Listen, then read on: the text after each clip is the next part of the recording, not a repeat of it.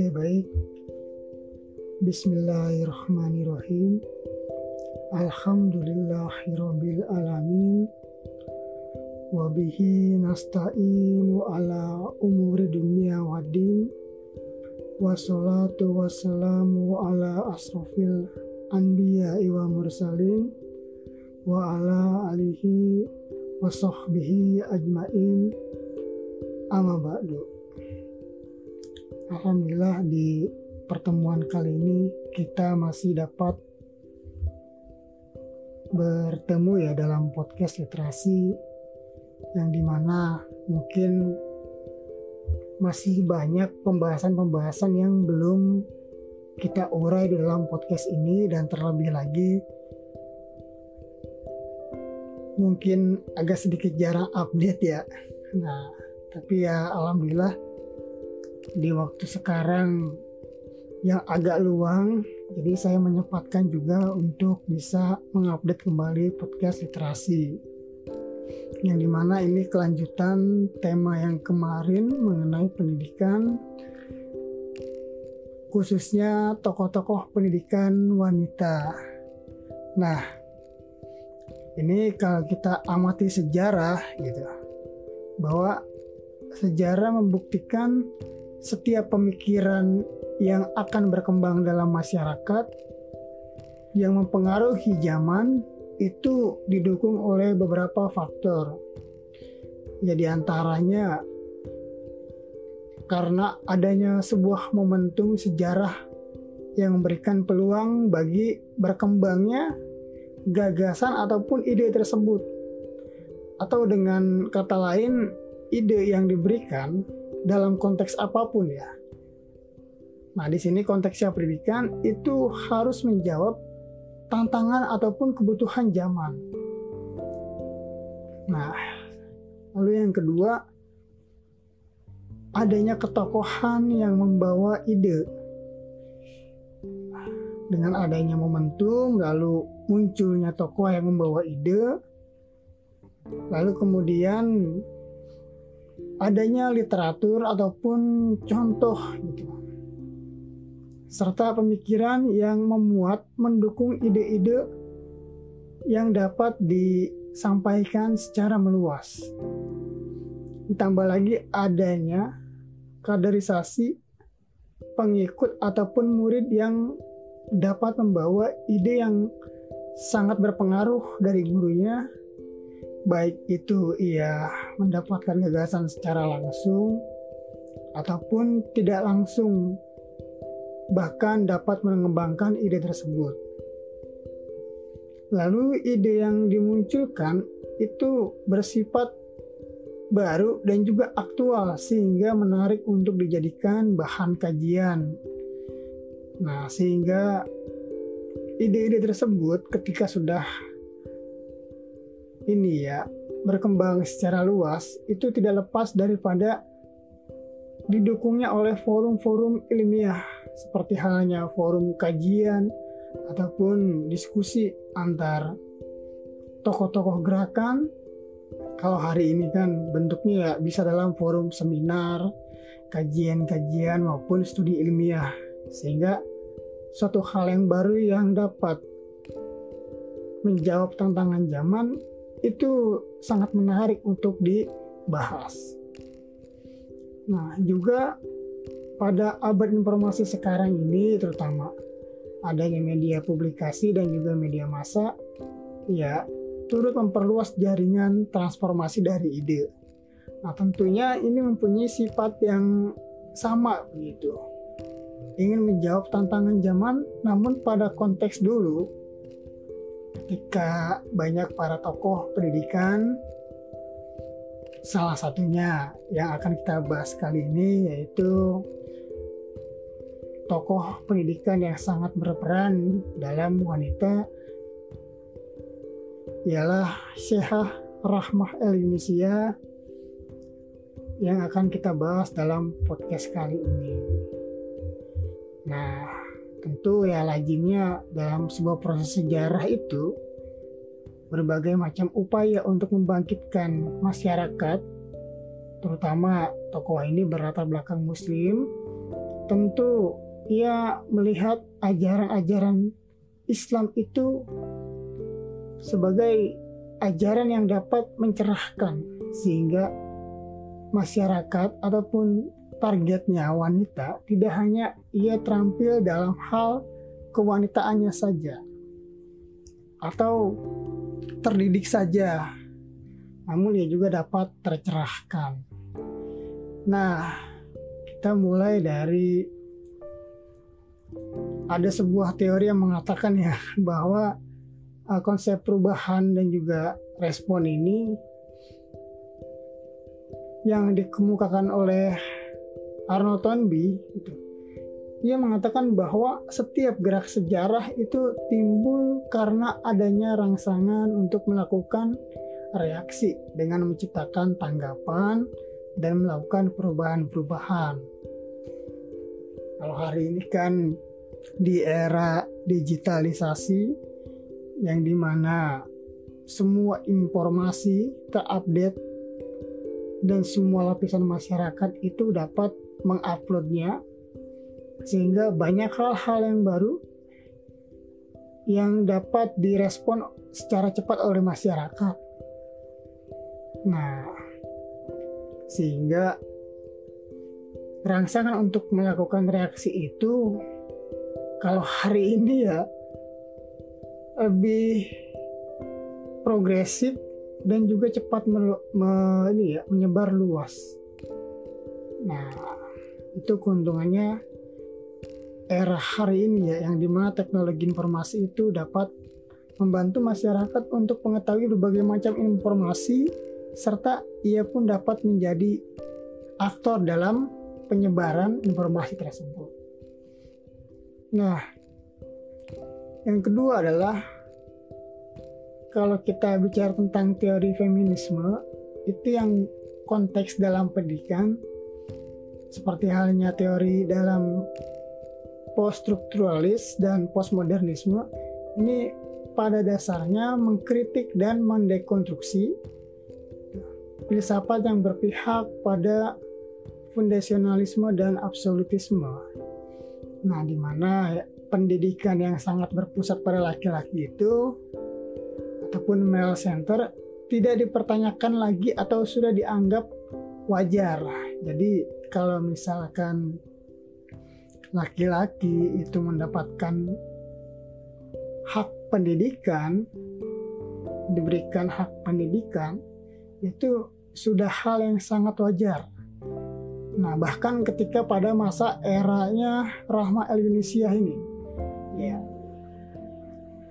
Namun bagaimana jika pendidikan itu diberikan dan juga didapatkan oleh wanita yang di mana pada masanya Rahma El Yunisia ini banyak ya pada masa Kartini, pada masa Dewi Sartika, tentunya ya sebelum Indonesia merdeka wanita ini ya dianggap gitu dalam pandangan masyarakat pada umumnya ia hanya mengurusi dapur saja. Lalu kemudian urusan kasur saja gitu. Dapur sumur kasur gitu. Nah sehingga tidak ada posisi bagi wanita. Dia itu untuk mendapatkan pendidikan dan berperan dalam hal-hal yang di luar itu tadi. Nah, maka dari itulah muncul kesadaran untuk menjawab tantangan zaman yang di mana salah satunya kita harus ketahui bagaimana gagasan ramai Indonesia ini mengenai pendidikannya. Oke, jadi kita mulai dari mengenal Rahma Elinisia ini. Ia nama lengkap serta gelarnya Syekh Hajah Rangkayo Rahma Elinisia. Ia lahir tanggal 26 Oktober tahun 1900 lalu wafat pada 26 Februari tahun 1969. Ia seorang reformator pendidikan Islam sekaligus pejuang kemerdekaan Indonesia. Karena memang tidak hanya pendidikan yang ia perjuangkan, tapi dalam catatan sejarah ia aktif juga di dalam perjuangan kemerdekaan Indonesia. Termasuk salah satunya memberikan informasi dan juga ikut mendidik anak-anaknya anak-anak muridnya, teman-temannya menjadi tokoh-tokoh pejuang kemerdekaan yang mungkin teman-teman kenal Rasuna Said. Nah, itu ya salah satu kerabat dan juga sekaligus pernah menjadi murid di perguruannya. Rama ini seorang perintis sekolah ataupun diniyah putri ya disebutnya pada 1 November 1923 yang tercatat sebagai sekolah agama Islam perempuan pertama di Indonesia. Dan ini pun merupakan pondok pesantren modern khusus putri yang terletak di kota Padang Panjang, Sumatera Barat. Adapun gelar syahah ini diberikan oleh Universitas Al-Azhar Kairo Mesir. Jadi ada cerita menarik ketika Rama El Indonesia ini diberikan gelar syahah. Nah, dalam masa perjuangannya mengenalkan pendidikan, mengenalkan sekolah diniyah putri, ia sering sering kali dalam hal mengumpulkan dana, ia ikut mengajar ke daerah-daerah luar sampai ia dapat mengajar di ini ya di daerah-daerah Selangor gitu. Nah, daerah-daerah ya Melayu gitu.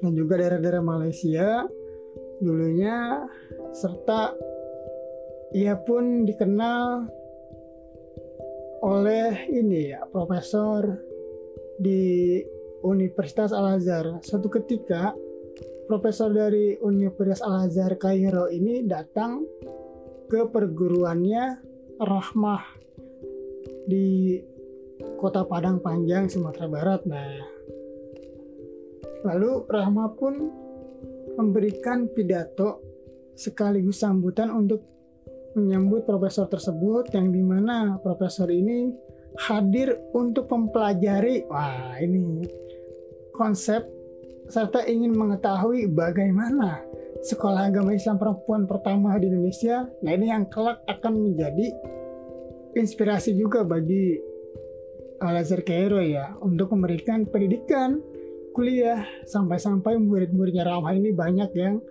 kuliah gratis di Al-Azhar Cairo. Ketika ia berpidato, ia tidak hanya menggunakan bahasa Arab yang pada waktu itu namun ia menggunakan bahasa Arab ini ya bahasa Arab klasik gitu kan. Sastra Arab klasik yang di mana profesor tersebut pun tidak terlalu paham atau memahami dan lancar dalam berbahasa Arab klasik gitu ya. Nah karena kecerdasan inilah dan kekaguman inilah maka diundanglah Rahmah ini ke Universitas Al Azhar dan diberikan gelar syehah. Wah ini, ini kan berarti secara intelektualitas dia tidak diragukan lagi. Ini sungguh luar biasa nih ya dalam hal segi kecerdasannya. Oke, kita mulai dari apa sih yang menjadi permasalahannya khususnya kaum wanita pada waktu itu jauh sebelum kemerdekaan Indonesia kita raih. Jadi memang perempuan itu dalam hak hak mendapat pendidikan sangat ini ya kurang. Ya termasuk itu pun bagi keluarga bangsawan tidak hanya masyarakat bawah ya. Nah karena masyarakat ataupun kaum laki-laki pada waktu itu menganggap bahwa kerja berat dan kasar tak masalah dis, diserahkan pada laki-laki. Namun ia tak mengerti kerja ringan-ringan saja. Nah, kata Rahma, merenda-merenda saja, ke dapur saja, nah itu bukanlah pekerjaan yang ringan. Nah, coba nih oleh bapak-bapak itu tiga hari saja untuk mengerjakan pekerjaan ke dapur, merenda, lalu pekerjaan perempuan. Tentulah laki-laki itu angkat bendera ya. Dan ia pun mengkritik adat yang di mana perempuan itu tidak perlu mendapatkan pendidikan karena di saat dia sudah mendapat pendidikan ya untuk apa itu kan untuk jadi pejabat itu sudah diisi oleh laki-laki jadi kursi-kursi mengenai pejabat pada waktu itu lalu ketokohan itu dianggap cukup diberikan oleh laki-laki saja. Jadi perempuan itu tidak berguna kalau misalkan dia belajar gitu mendapat pendidikan. Nah padahal ketika pendidikan bagi wanita itu semakin meningkat wawasannya bertambah ya maka dia akan lebih memiliki kualitas dalam hal mengerjakan apa pun gitu. Karena ya banyak permasalahan yang terjadi. Pada waktu itu permasalahan perempuan ya karena kekurangan dasar pendidikan. Apalagi ketika masih muda dinikahkan. Masih anak-anak bahkan dinikahkan. Lalu si laki-laki ini menceraikannya wanita tersebut tidak kuat agamanya tidak punya keterampilan untuk mencari uang karena tidak ada dasar pendidikan akhirnya ia jatuh ke tempat pelacuran Nah, sehingga gelaplah kehidupan wanita itu. Nah, itu yang terjadi pada waktu itu. Bahkan dijelaskan juga di dalam penjelasan yang kemarin kita bahas mengenai kritik Dewi Sartika terhadap ini ya, fenomena yang terjadi gitu. Karena wanita tidak mendapatkan pendidikan. Oke. Jadi jangan anggap pekerjaan-pekerjaan perempuan itu seperti halnya pekerjaan dapur, mencuci pakaian, merenda, itu pekerjaan yang mudah ya, ya gitu. Karena ya mungkin dari bapak-bapak di sini ataupun teman-teman di sini yang laki-laki seharian saja mengerjakan pekerjaan rumah itu berasa juga begitu. Apalagi sambil mengasuh anak wah. Nah Oke, adapun rahmah ini semangat perjuangannya, kesadaran akan pendidikannya, memang ia dilatar belakangi ya dari keluarganya juga, yang di mana orang tuanya, ibunya merupakan seorang yang cerdas dan juga bijaksana. Nah, sehingga ada suatu nazam ya karangan ibunya Rahmah yang bernama Rafiah itu yang membuat nazam kira-kira seperti ini. Ia mengatakan kepada Rahmah bahwa jika engkau sudahlah besar, dekatkan diri pada Allah yang akbar. Berusaha di dunia haruslah sabar. Biar ke jalan surga menjadi lancar. Wahai anak pedusi, perempuan Umi, si bungsu tak beradik lagi, jangan lupa ayah dan Umi. Apalagi agama Islam sudah terpatri disebut orang di seluruh negeri. Jika ayah Umi tiada, engkau punya empat saudara dan sanak banyak di mana-mana. Takkan susah engkau di dunia. Nah, ini sungguh luar biasa ya. Jadi pada esensinya ia menyampaikan sebuah nasihat yang di mana Rahma ini harus selalu mendekatkan diri pada Allah dan ia pun harus menjadi seorang yang sabar. Nah, kemudian jadikanlah agama Islam itu terpatri yang di mana sudah banyak juga di negeri ini yang menganutnya apalagi ia mempunyai empat saudara jadi dalam hal lingkungan keluarga ia tidak akan susah untuk menjadi tempat bertanya nah ini kan terbukti bahwa kakaknya Rahma ini gitu yang bernama Jainuddin ia merupakan seorang tokoh juga tokoh pendiri di Nia School ya. kalau Rahma ini di Nia Putri nah kalau kakaknya ini pendiri di Nia School yang di mana di Nia School itu ialah sekolah bagi anak laki-laki nah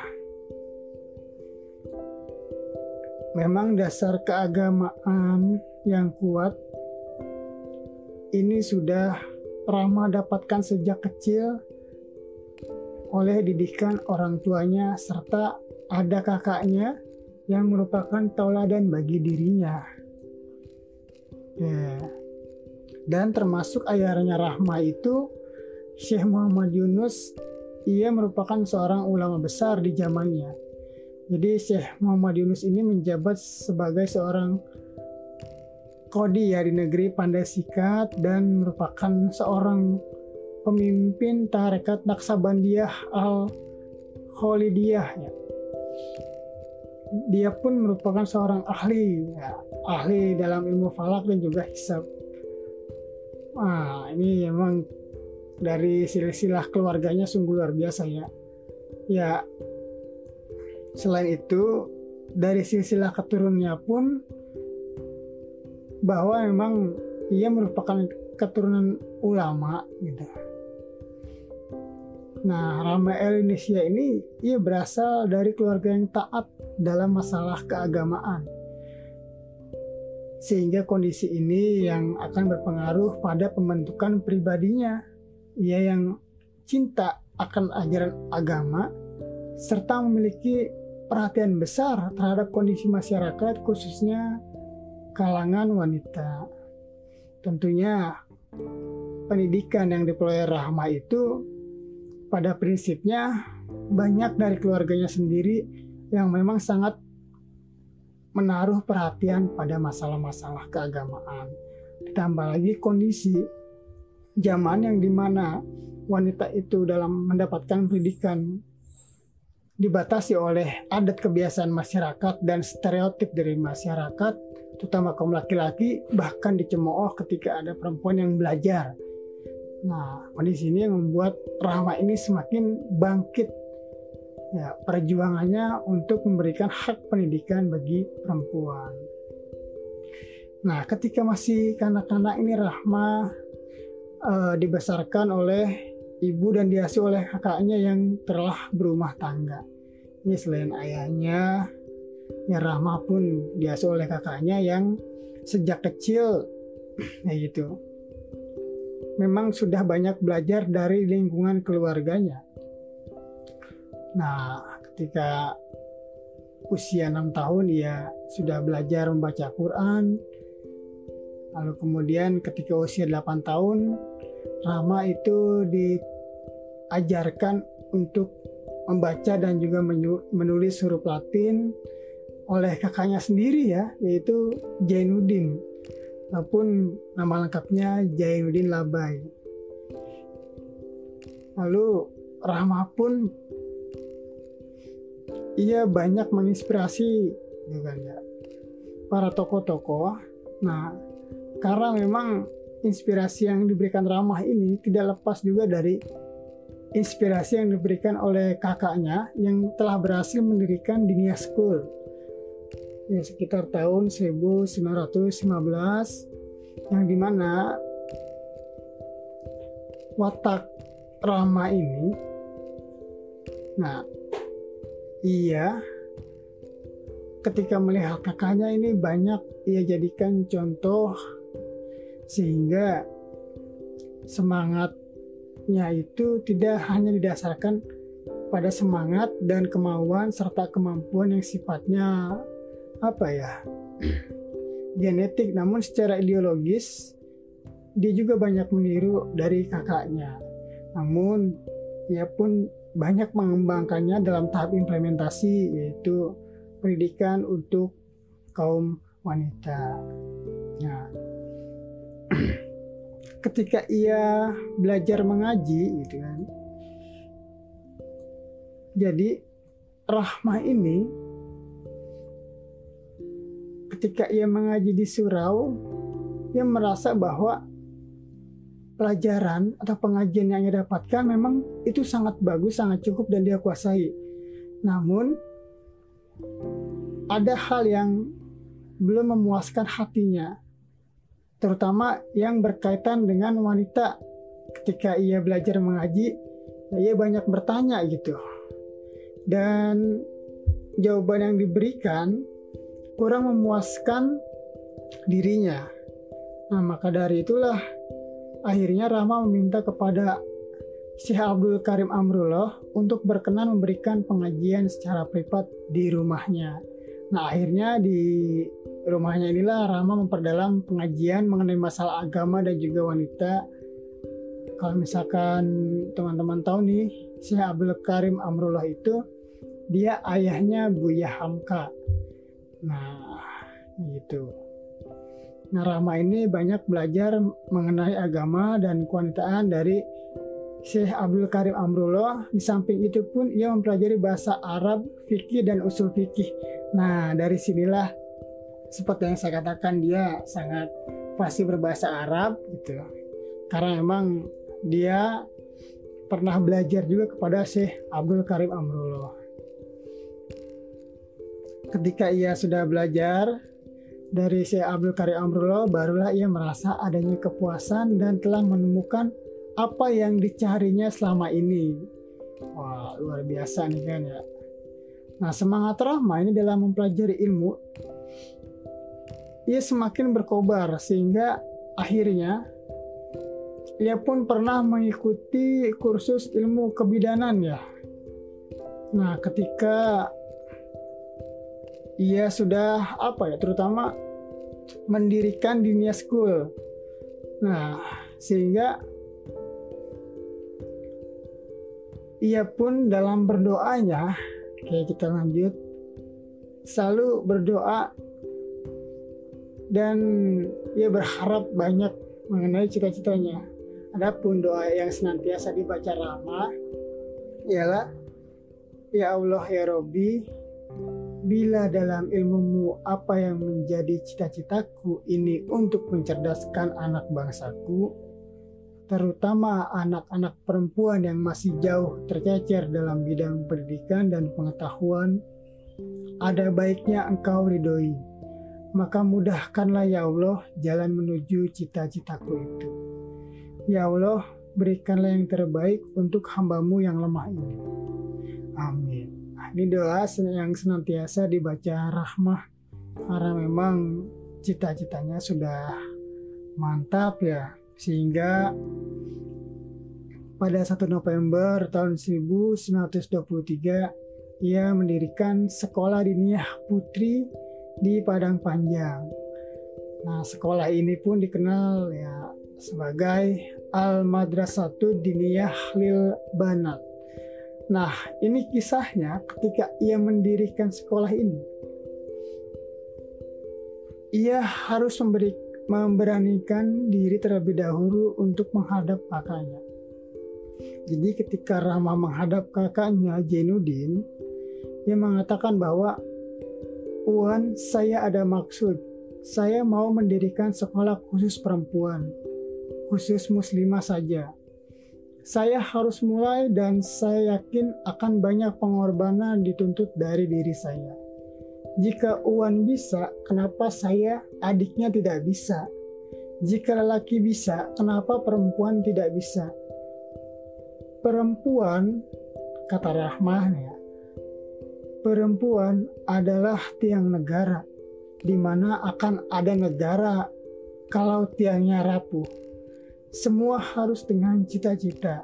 Harus ada hari pertama. Lalu apa nama sekolahnya? Uminya menanyakan. namanya Al Madrasatu Diniyah Lil Banat. Nah, inilah akhirnya dengan semangatnya, dengan tekadnya untuk mendirikan sekolah bagi perempuan, ya kakaknya serta ibunya itu menyetujui. Bahkan ibunya sampai memeluk Rahma sambil menitikkan air mata di mana ibunya ya berpesan bahwa kalau memang ini sudah menjadi kemauan tekadmu dan ini adalah jalan yang benar maka ya ibunya itu meridoi nah begitupun kakaknya nah adapun yang menjadi dasar perjuangan rahmah itu ialah yang mengutip juga surat Muhammad ayat ketujuh yang di mana dikatakan Hai orang-orang yang beriman, jika kamu menolong agama Allah, niscaya dia akan menolongmu dan meneguhkan kedudukanmu. Jadi ia ingin mengangkat derajat wanita. Pada waktu itu, yang di mana wanita ini agar tidak terbelakang lagi. Nah, kenapa bisa terbelakang? Karena pendidikan yang mereka dapatkan itu hanya sebatas pendidikan ya itu tadi dapur, sumur dan juga kasur. Sedangkan zaman semakin berkembang dan dirasa memang perempuan itu harus mendapatkan pendidikan yang lebih agar jiwanya, moralnya, intelektualnya itu terbangun sehingga ia dalam kehidupan dunia ini tidak hanya bergantung kepada laki-laki saja kayak gitu. Nah, namun ia bisa membangun sebuah keluarga yang harmonis juga nantinya ketika sudah berumah tangga. Nah, adapun jika memang ia terkena musibah harus berpisah dengan suaminya, ya, ia bisa berjuang untuk bertahan hidup dengan jalan yang benar yang diridhoi oleh Allah karena tahu ilmunya kan begitu. Ini banyak orang yang mungkin tersesat gitu bimbang galau akhirnya melarikan dirinya ke hal-hal yang sifatnya memudahkannya. Akhirnya jatuh ke dalam pekerjaan yang kurang terhormat itu karena tidak tahu ilmunya bagaimana mencukupi kebutuhan hidupnya kan seperti itu. Nah barangkali ya hari ini kalau kita perhatikan ya peran wanita itu sungguh sangat baik dan juga beragam profesi ya. Nah, ini merupakan sebuah kemajuan yang besar gitu ya. Tentunya tanpa meninggalkan esensi dari tugasnya juga sebagai seorang ibu, sebagai seorang istri bagi suaminya gitu. Yang di mana Ketika esensi ini dapat berjalan beriringan, ia akan menjadi ibu yang baik karena mampu mendidik anaknya sesuai dengan zaman, tahu ilmunya, dan tahu mengajarkan agama yang benar. Ya, maka dari itulah kan akhlak ketika kita memilih seorang wanita itu, ya akhlak itu sangat penting ya. Dan gitu. Nah, apalagi wanita yang terdidik, terampil, dan juga tercerahkan oleh agama itu, sehingga ia bisa mendidik anaknya anak laki-laki kan ya menjadi seorang hamba Allah menjadi seorang pemimpin yang luar biasa gitu cerdas secara akal dan juga sikapnya bijaksana pengetahuan agamanya luas nah karena kita lihat tadi di sosok ibunya Rahma itu kan dia seorang wanita yang cerdas, serta bijak, dan tahu cara menasihati anaknya. Nah, ini kan di untuk para wanita nih dalam hal pendidikan itu sangat penting ya. Jadi yang masih kuliah belajarnya sungguh-sungguh benar-benar gitu kan. Nah, sama yang laki-laki juga. Jangan daftar kuliah, masuk ke kelas, hanya menyelesaikan tugas saja, tapi esensi pelajaran dan pesan yang di disampaikan oleh pengajar, oleh dosen itu harus sampai ke lubuk hati yang terdalam. Dan dapat menjadi sebuah tindakan tidak hanya masuk ke dalam pikiran lalu hilang. Nah seperti itu karena memang hasil dari pembelajaran itu adalah tindakan. Itu. Tidak hanya menjadi ilmu saja tapi harus diaktualisasikan. Apalagi jangan sampai semakin tinggi pendidikan kita semakin jauh kita dari masyarakat. Nah ini kan peran Rahma di sini. Ia mendidik anak-anak perempuan itu agar ia dekat dengan masyarakat agar ia tahu memperlakukan suaminya, anaknya, saudaranya dekannya dengan baik dengan dibekali berbagai macam keterampilan Nah, oke. Okay. Lalu apa sih tujuan didirikannya Dinia School? Nah, pada awal berdirinya memang sekolah Dinia School Putri ini sedikit ya. Lalu akhirnya bertambahlah berjumlah 70 orang.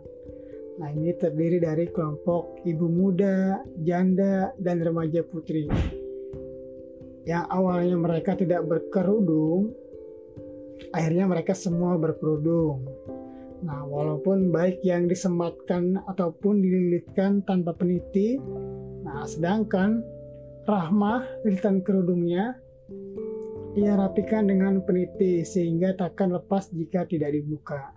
Kelak nih ya, gaya berkerudung Rahmah ini akan menjadi uh, sebuah ciri khas ataupun model wanita waktu itu. Jadi tutup kepala Rahma ini, kerudung Rahma ini disebut sebagai lilih.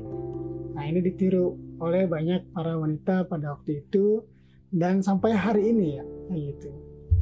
Nah ini Rahma bertekad bahwa Dinia School Putri akan selalu mengikhtiarkan penerangan agama dan meluaskan kemajuannya kepada perempuan-perempuan yang selama ini susah mendapatkan penerangan agama Islam dari kaum laki-laki.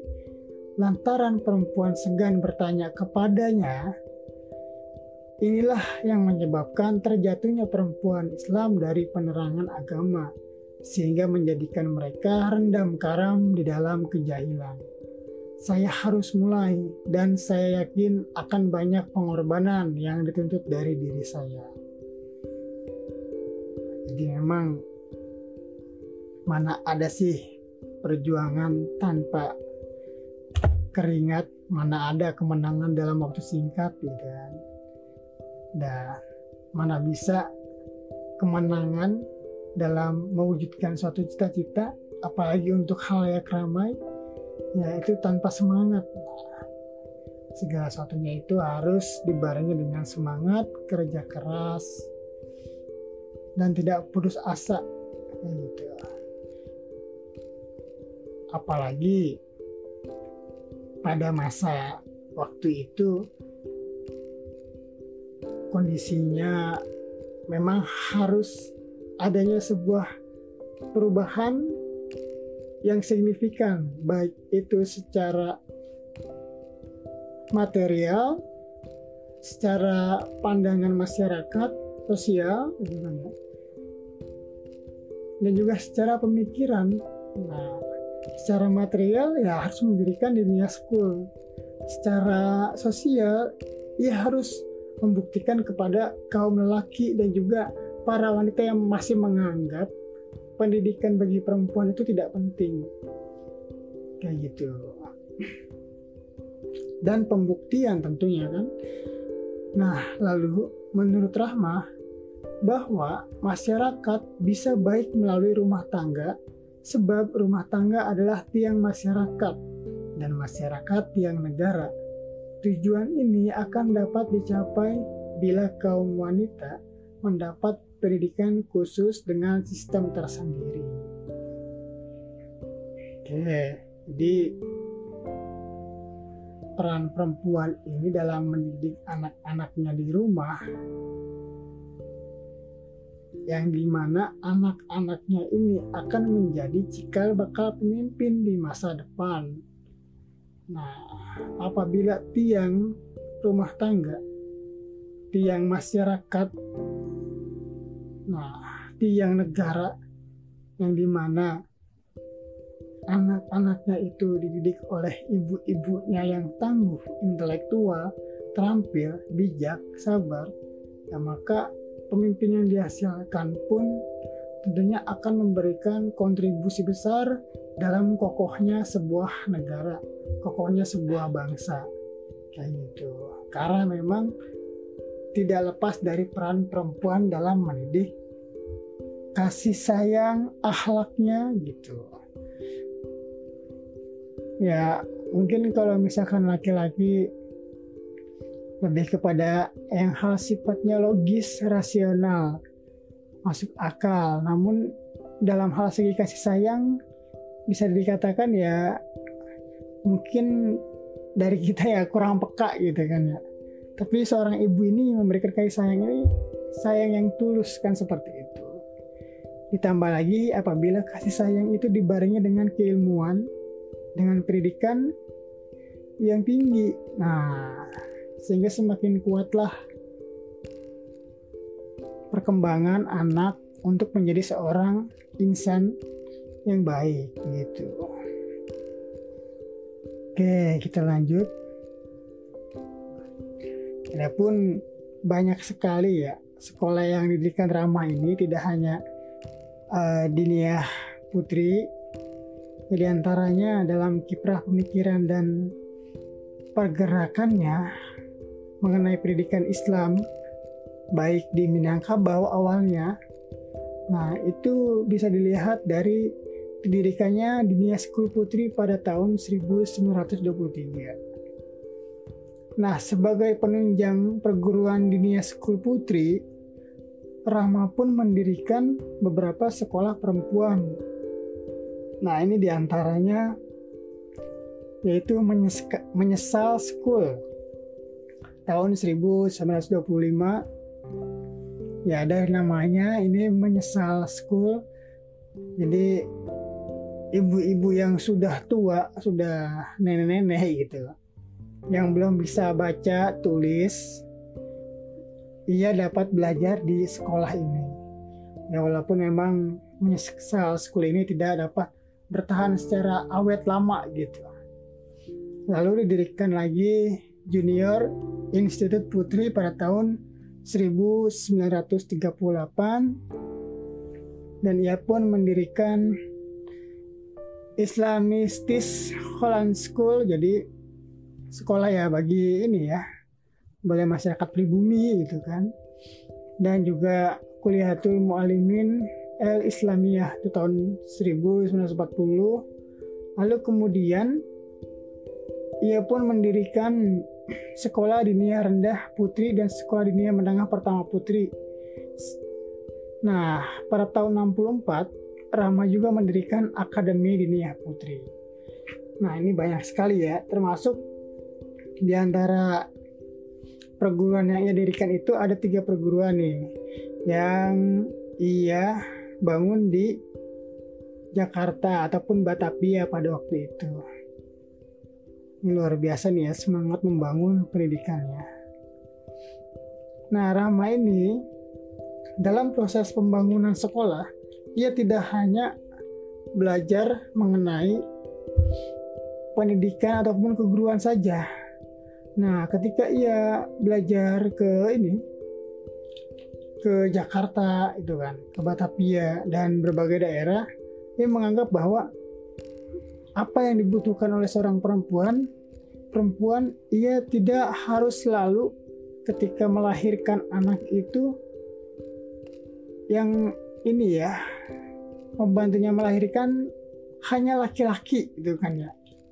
Nah, tapi perempuan pun harus tahu bagaimana cara membantu seorang wanita yang sedang melahirkan. Maka dari itu ia belajar ilmu bidan. Nah, ilmu bidan dia belajar. Lalu sepulangnya dari perjalanannya, ia kemudian ilmu bidan tersebut dipraktikkan kepada murid-muridnya. Oke, itu luar biasa nih ya. Sehingga dunia school putri ini dapat berkembang yang di mana perkembangan dunia school putri ini sistem pendidikannya termasuk sistem pendidikan yang modern yang mengintegrasikan pengajaran ilmu-ilmu agama ditambah ilmu-ilmu umum seperti hal yang tadi saya jelaskan.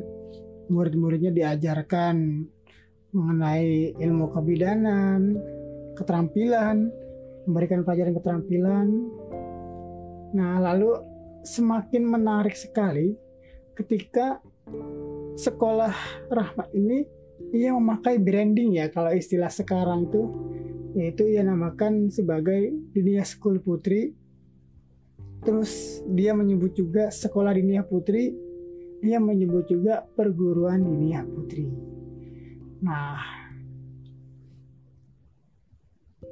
sekolahnya, dengan ia buktikan kepada kaum wanita dan masyarakat umum bahwa anak didik anak didiknya mampu dan dapat berkontribusi kepada masyarakat. Ini terbukti ketika ada sebuah bencana gempa pada waktu itu ya. Nah, Rahmah termasuk ya sekolahnya itu menjadi ini juga ya korban dari gempa tersebut sehingga sempat hancurlah sekolahnya dan ia pun sempat merasa ini ya risau gitu. Merasa sedih akhirnya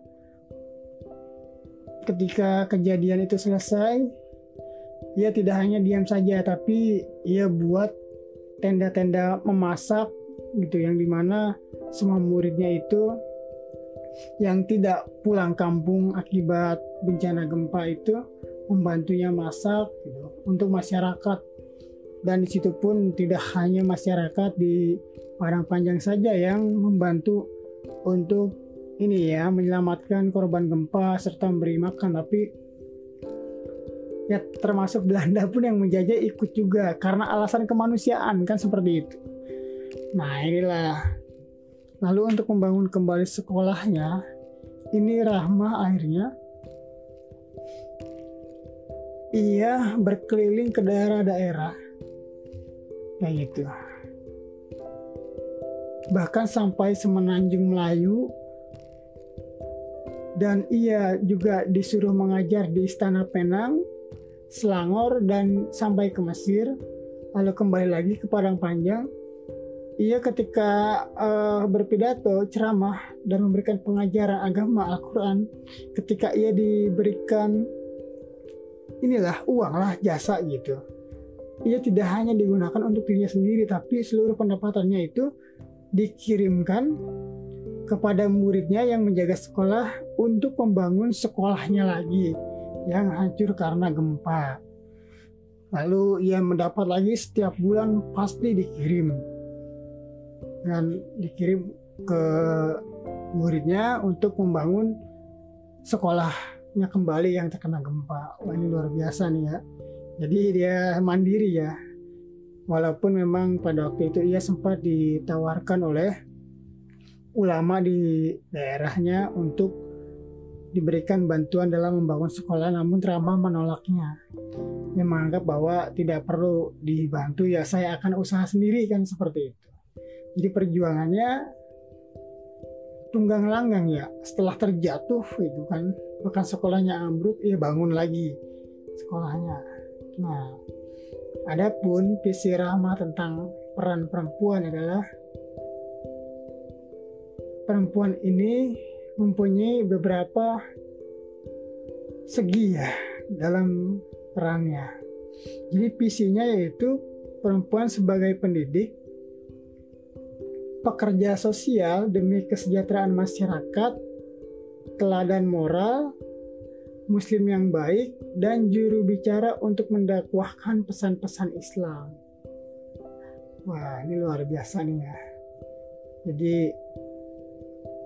pendidik ataupun guru itu ia tidak hanya sebagai pendidik saja tapi ia juga pekerja sosial untuk masyarakat dan ia juga menjadi teladan serta juru bicara dalam mendakwahkan pesan-pesan Islam. Ini terbukti kan dalam perjuangan Rahma ini ke berbagai daerah untuk mengajarkan pengajaran Al-Quran gitu. Bahkan dia mengajarkan anak-anaknya dari kerajaan ataupun di istana Penang ya. Ini luar biasa. Dan ia pun dikenal. Jadi datang datang ke daerah orang itu ke negara orang ke kerajaan orang ia dihormati. Oke kita lanjut. Nah ini ada pesan yang sangat menarik untuk guru dari Rama Indonesia. Jadi Rama ini dalam pidatonya di depan majelis guru di Nia Sekolah Putri ia mengatakan tugas seorang guru adalah suatu tugas yang besar dan suci yang dituntut oleh agama dan bangsa kita. Tetapi tugas keguruan itu juga adalah tugas yang berat. Karena beratnya, maka orang-orang pandai dalam dunia dan sejarah pendidikan merasa perlu untuk menyusun sendiri ilmu-ilmu masalah keguruan untuk mempermudah mereka dalam memikul tugas yang berat, besar, dan suci tersebut. Kita nih sebagai peserta didik, misalkan di kampus dan kita mungkin yang nantinya akan menjadi pendidik dan apalagi yang berprofesi sebagai guru itu. Jadi tugas guru itu bukanlah tugas yang ringan tapi tugas yang berat. Tapi kita harus menjalankannya dengan ringan hati ringan tangan. Nah karena apa gitu dalam ini ya pendidikan itu kita harus tahu ataupun menyusun ilmu-ilmu masalah keguruan agar dalam proses pelaksanaan pengajaran pendidikannya kita itu tahu cara nah dalam memikul tugas yang berat memberikan tauladan gitu kan ya. Lalu kemudian memberikan pendidikan memberikan dakwah pesan kepada masyarakat gitu lalu menjadi pekerja sosial untuk kesejahteraan masyarakat jangan sampai nih kita mendidik siswa, mendidik murid ataupun mendidik mahasiswa, mendidik adik-adik kita gitu. Hanya sebatas menggugurkan kewajiban saja. Nah, tapi jadikanlah ilmu itu pendidikan itu sebagai sebuah kebutuhan. Kayak kita nih kan. Menghirup oksigen. Oksigen itu kan kita butuh ya. Jadi kalau nggak menghirup oksigen kita mati gitu kan. Nah jadi butuh ya butuh itu sifatnya seperti itu. Nah ilmu pun sama gitu ya. Dalam hal uh, sifat kita butuh ilmu karena dalam menjalankan tugas di dunia ini dan juga tugas kita sebagai hamba Allah di dunia yaitu menjalankan kebajikan kebaikan di dunia ini Nah, agar kita mudah dalam mengimplementasikannya, kita harus tahu ilmunya. Nah, sehingga pekerjaan yang berat besar itu akan menjadi terasa ringan. Apalagi di, bila dikerjakan secara bersama-sama dan sama-sama mengerti. Nah, itu kan. Kadang kita mau kerja bareng-bareng, tapi karena banyak yang ngerti, akhirnya debat. gitu kan. Kayak gitu. Yang masih mending kalau debat gitu kan. Tapi kalau main andel-andelan kan repot gitu. Udahlah gitu kan. Kamu aja bisa kamu aja yang ngerti gitu. Lawang kalau misalkan yang ngerti terus satu orang gitu. Lalu kemudian kelompokmu ada 10 orang yang 9 tuh ngapain? Itu jadi supporter ya. Nah maka dari itu ya uh, secara individu ya harus menambah kompetensi juga Oke, jadi ya yang sudah tahu kompetensi harus ditambah keterampilannya. Nah, karena memang ada orang yang secara kompetensi pendidikannya tinggi namun keterampilannya kurang. Ada juga orang yang terampil tapi dia tidak terdidik. Nah, ada juga orang yang tidak terdidik dan tidak terampil. Nah, itu harus dikasih dua-duanya gitu ya. Nah, ya tinggal kita harus menyadari posisi kita ini ada di mana. Apakah kita seorang yang terdidik sekaligus terampil? Apakah hanya terdidik saja dan terampil dalam satu hal tapi lain hal tidak nah itu harus disadari juga ya walaupun memang banyak ahli tapi setidaknya kita tahu gitu ya nah itu. Oke kita lanjut. Lalu apa sih kompetensi dan juga ini ya pedoman guru menurut Rahma? Jadi kata Rahma kompetensi yang harus dimiliki guru itu guru itu harus tahu dan mempraktikkan ilmu jiwa. Ia pun harus tahu dan mempraktikkan ilmu mendidik jadi pedagogi ya kalau hari ini ya pedagogi andragogi gitu ya lalu memikirkan metode pengajaran agama yang tepat dan hidup. Jadi konteks pengajaran agama itu tidak hanya sebatas uh, praktik dalam hal hubungan kita dengan Tuhan saja dengan Allah aja. Tapi ya selain hablum minallah kita pun harus menjalankan hablum minannas. Jadi bagaimana kita mengamalkannya ke dalam kehidupan di dunia ini. Kayak gitu. Makanya ada sebuah cerita ketika uh, Kiai Ji Amadala ini mempunyai murid kalau nggak salah Kiai Suja atau siapa ya jadi muridnya ini uh, diajarkan surah Al-Maun gitu kan nah setelah diajarkan surah Al-Maun muridnya ini bilang Kiai saya sudah hafal surah Al-Maun. Gitu. Kamu uh, belum selesai gitu kan. Kiai Jamadalan coba amalkan uh, dalam sulat dalam ini sholat lalu dibacakan kan dalam sholat Kiai saya sudah membacakannya uh, dalam sholat nah belum juga itu kan ya belum selesai belajar ini nah lalu cobalah engkau ke pasar engkau memberikan gitu kan ya.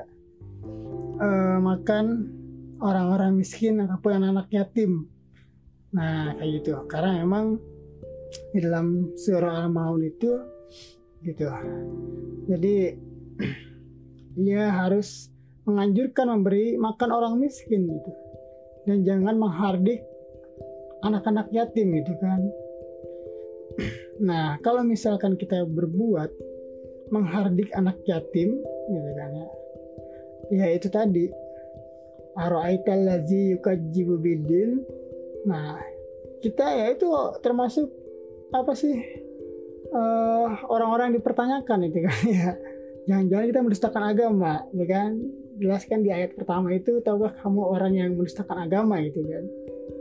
Seperti yang tadi itu. Ya itulah wajalikal lazi yadu yatim yaitu orang-orang yang menghardit anak yatim. Nah lalu kemudian apa lagi? Gitu. Itu orang yang tidak menganjurkan memberi makan orang miskin. Walayahudu ala ta'amil miskin gitu kan. Orang-orang yang seperti ini yang celaka maka dari itu ya berarti memang konteksnya pengajaran agama itu harus tepat dan juga hidup. Sehingga itu tadi ia dapat menyelesaikan permasalahan di dunia. Nah, sebagai perwakilan di dunia kan seperti itu. Kalau misalkan konsep pendidikan sekarang ya ini ya. Seperti halnya beberapa sekolah kayak uh, sekolah Cikal itu dia menerapkan bahwa uh, kata Najla Sihab gitu Najla Sihab bahwa pendidikan itu tidak boleh dipisahkan dari uh, kehidupan nyata ataupun kurikulum nah katanya nih kurikulum pendidikan itu harus sangat mirip dengan kehidupan nyata. Nah itu kan kata Najla siap saya pernah membacanya di media ya. nah gitu. Ataupun dalam uh, dunia akademisi ya bisa disebut intelektual organik gitu ya. Jadi pendidikan yang memang uh, masyarakat-masyarakat itu tidak jauh dari kita. Orang-orang yang intelektual tidak jauh dari masyarakat gitu. Lalu kemudian apa sih pedoman guru gitu kan? Jadi kata Rama ini uh, seorang guru itu harus memiliki uh, pedoman. Di antaranya ya sebelum akhir hayatnya ia pernah berpidato gitu kan di hadapan guru-guru di majelis dunia sekolah putri bahwa tujuh pedoman guru ialah ia sebagai pemimpin dan kader. Nah, lalu ia juga sebagai pengajar, pendidik, dan guru.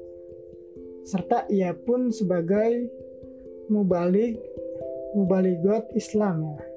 Lalu ya lingkungan sekolah dan asrama itu harus ada serta harus adanya komunitas pendidikan dan pengajaran. Lalu ada korps guru-guru dan yang ketujuh menjadi bijaksana di dalam kelas. Nah ini pedoman guru nih. Jadi dalam tujuh pedoman ini sudah jelas ada yang sifatnya individual yang harus dimiliki guru ya menjadi pemimpin secara pribadi dapat menjadi teladan gitu kan kepada muridnya lalu ia pun sebagai pengajar pendidik dan guru ya tahu ilmunya lalu ia pun sebagai mubalik atau mubaligot ya menyebarkan dakwah gitu kan Islam.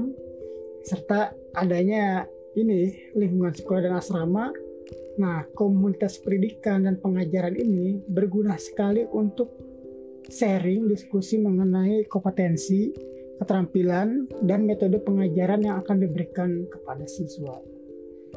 Termasuk adanya korps guru-guru ya antar sekolah gitu serta ia menjadi bijaksana di dalam kelas. Nah ada pesan menarik nih dari Rahmah mengenai menjadi bijaksana di dalam kelas jadi kata Rahmah itu sikap yang harus dimiliki guru kita harus betul-betul sanggup menempatkan diri sebagai pemimpin dari murid-murid dan sadar bahwa dirinya adalah wakil mutlak, pengembang amanah dari orang tua siswa ya di sini. Lalu lanjut Rama pun berpesan dalam pidatonya kepada guru-guru di Nia Sekolah Putri, janganlah guru-guru mendendam murid-murid yang bersalah atau nakal Janganlah membicarakan keburukan sikap dan kenakalan seseorang murid kepada murid lain. Berusahalah memperbaiki sikap akhlak murid yang salah dan nakal itu. Kalau murid itu kurang cerdas atau malas, adalah tugas guru untuk mencarikan perbaikannya.